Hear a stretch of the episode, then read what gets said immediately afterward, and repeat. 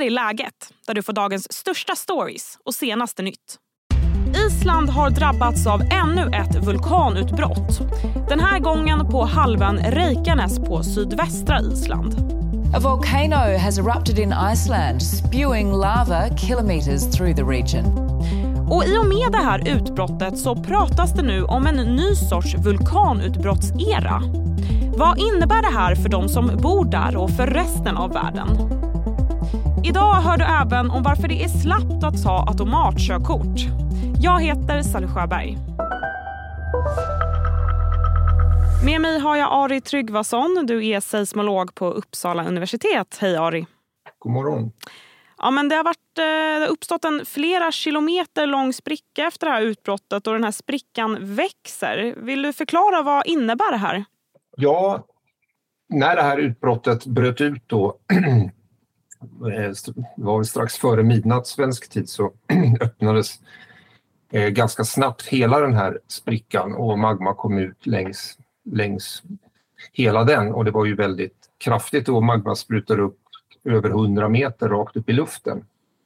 Sen så är redan nu, det allra senaste jag kollade så har den här har aktiviteten gått ner och den här sydligaste delen av sprickan verkar dö ut, eh, tycker de. Så det är mer längs den här norra delen som magma fortfarande då strömmar ut. Mm. Och Det har ju varit några mindre vulkanutbrott på Island de senaste åren men som jag har förstått det så har det, det har snackats om att det kommer ett större utbrott inom tid och nu har det kommit. Hur skiljer sig nattens utbrott från de tidigare säger du? Ja, initialt sett så var det här eh, en faktor 10 i gånger kraftigare. Eh, så, så, på så sätt så, så började det här mycket mer häftigt så att säga än de tidigare har gjort. Och jag har bilderna här framför mig och det ser ut att vara jättemycket lava som kommer upp från den här sprickan. Hur allvarligt kan det bli i området? Ja, alltså det är ju jättegoda nyheter för Grindavik det här att den, redan nu så börjar den här sydligaste ändan av sprickan att, att dö ut. Eh, och man har ju haft tid på sig. Man har till exempel byggt skyddsvallar runt det här kraftverket som är ungefär bara en kilometer väster om den här sprickan.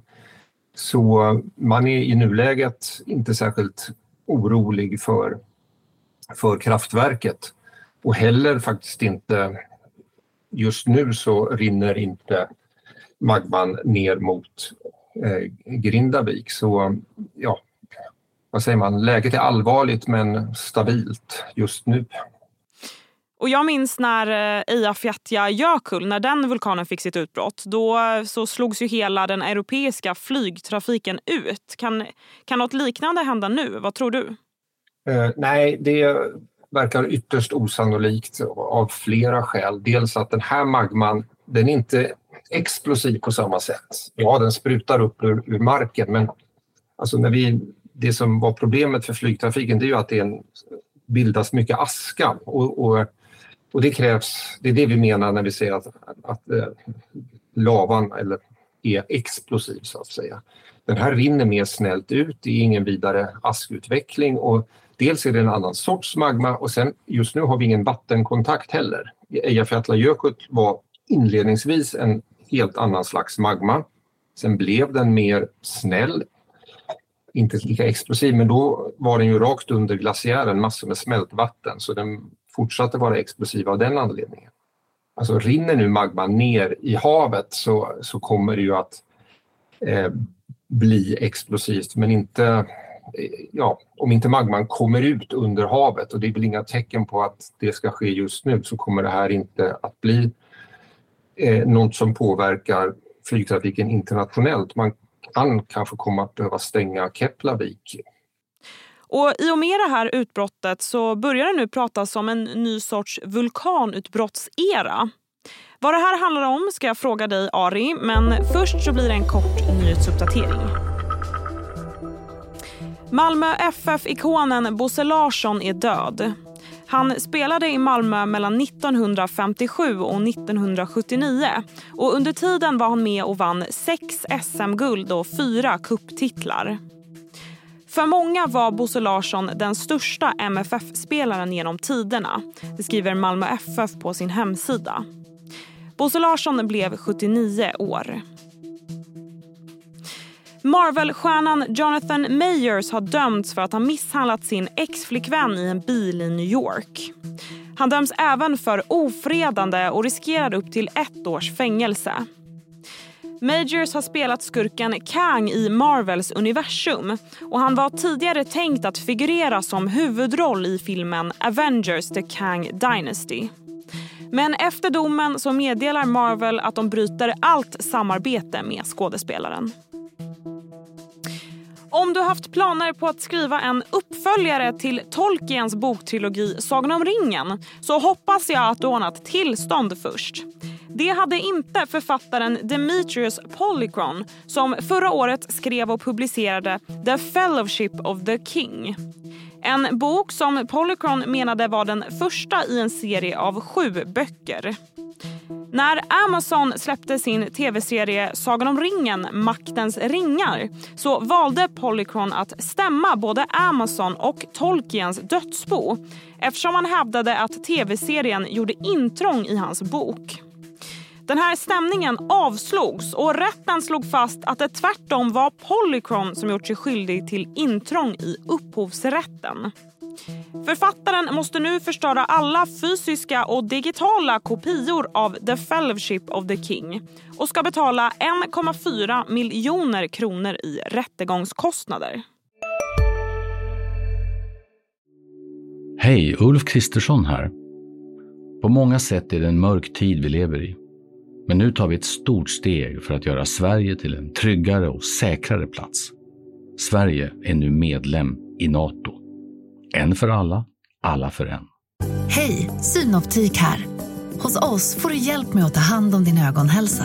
Med vår synundersökning kan vi upptäcka både synförändringar och tecken på vanliga ögonsjukdomar. Boka tid på synoptik.se. Och tidigare här i läget så har vi pratat om, pratat om att det har varit en ökad seismisk aktivitet på Island. Är det något större på gång här? Kommer, kan vi vänta oss fler sådana här utbrott? Ja, alltså det, det har ju varit lugnt på Reykjanes i ungefär 800 år.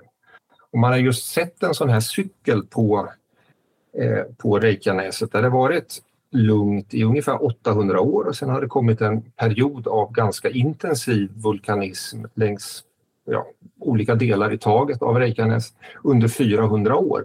Och den här cykeln har man sett då upprepa sig eh, tre gånger ungefär. Sen, sen, kanske längre, det är bara lite svårt att, att se. Så det är en ganska tydlig tidtabell. Eh, och vi kan egentligen, vi förstår inte vem som satt upp den tidtabellen och varför. Utan vi kan bara förhålla oss till den, att så här verkar det vara. Så om den här tidtabellen är rätt så, kan vi, så är det här inte det sista vulkanutbrottet på Reykjanes. Vad innebär det då? Så här, vi har ju sett att magma kom upp under Fagradals fjall. Det var ju när det började här i mars 2021.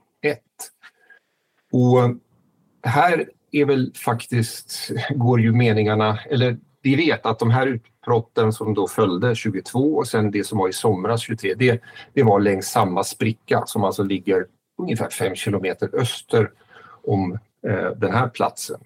Det jag tror är att det är härifrån eh, de närmsta, alltså under min livstid förmodligen, som eh, utbrotten kommer att komma. Sen kommer magma då att samlas på något annat ställe under eh, Reykjanes och så kommer eh, utbrotten i huvudsak komma från det området. Men vad, vad, innebär det för de som bor på eh, Island nu då? Att det kanske kommer en, en längre period med många utbrott? Det som har skett nu har ju visat att, att med den här instrumenteringen vi har och titta på seismologiskt och geodetiskt, alltså studera landhöjningar och så, så, så kan vi förutsäga de här utbrotten. Och det är klart att det har varit en ohygglig påfrestning, eller är, på de boende i, i eh, Grindavik som inte har... Jag menar, de har ju varit evakuerade i vad är det, sex veckor eller något sånt där. Va?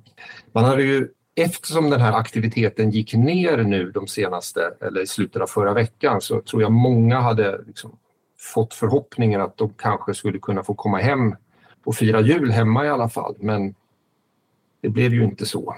Nej, inte riktigt. Men om det nu är så att det blir massa vulkanutbrott den kommande tiden, hur kan det påverka planeten i stort? Kan det förändra klimatet på något sätt? Ja, det sägs ju att de här aerosolerna som, som eh, kommer upp, det är då något som kyler ned eh, planeten. Så att i, i någon mening så är intensiva perioder av vulkanism alltså, ja, bra för klimatet eftersom vi nu släpper ut koldioxid som höjer temperaturen. Men det finns väl inget som tyder på att, att eh, vulkanismen på Island är så intensiv att, att den har någon större påverkan. Vad ser du dig hända här de kommande timmarna? Ja, eh, jo, det är alltid säkrast att, att man tar, följer riktningen som gäller nu. Och riktningen som gäller nu är ju att nu har vi sett den här intensiteten gå ner. Så jag tror att den kommer att då man pratade då eh, för några timmar sedan och man såg att nu börjar den här aktiviteten, hela sprickan är inte aktiv längre, man har hittat tre huvudplatser. Och då tror jag att en av de här huvudplatserna i södra ändan har väl nu då slocknat så nu är det möjligen kanske två kvar och så, så, så kommer det väl att bli en av de här. Och det styr ju då hur magman kommer att rinna. Den är på väg nu, magman, dels österut eh, och sen även västerut mot den här vägen som går i nordsydlig riktning. Eh, så det, den har en bit kvar men risken är ju att den då ja, sköljs över och det försvårar ju lite transporterna till Grindavik. Så, eh, så att min min prognos är ju att det här kommer att, att lugna ner sig ytterligare och sen så, ja, så får vi se vad läget är om en, en vecka. Och I podden för några veckor sedan hade jag med din kollega Björn Lund och han sa att den blå lagunen på Island kan vara hotad av det här. Vet man, man något om vad som hände på den fronten? Påpassligt nog så de här skyddsvallarna man byggde runt Svartsengi eh, inne, innefattar även den blåa lagunen. Det är ju spillvärme, vatten från det här kraftverket som, som man använder i blåa lagunen. Så att eh, akut är inte det hotat. Det blir ju problematiskt om den här huvudvägen, alltså norrifrån som, som, som är den kortaste vägen dit, då eh, hotas. Så att vad jag förstår så är Blåa lagunen stängd för närvarande och man kör det här kraftverket på distans. Och det kommer väl, det kommer väl att förbli stängt och, och, och köras på distans då tills det här lugnar ner sig. Vi håller utkik vad som händer. Tack så mycket Ari. Och härnäst i podden så hör du om intresset för automatkörkort som ökat markant. 2022 körde hälften av Sveriges 30-åringar upp med automatväxlad bil. Är det smart eller slappt? Först blir det dock fler nyheter. Spelutvecklaren Insomniac som ligger bakom spel som Spiderman och Ratchet Clank har drabbats av en enorm läcka. Enligt The Verge så ligger hackergruppen Risida bakom attacken. Gruppen ska först ha begärt en lösensumma på 20 miljoner kronor. Men Insomniac ville inte betala och därför läcktes deras hemliga spelmaterial. På X cirkulerar nu bilder från bland annat det kommande storspelet Wolverine. Allt fler unga tar automatkörkort Sen 2013 så har uppkörningarna för just automatkörkort ökat drastiskt. Och man ser framförallt en ökning de senaste två åren. I studion finns Marcus Engström. Du är chefredaktör på Teknikens Värld. Hej Marcus. Hej Sally. Du tycker det här är slappt? Ja. ja Varför då?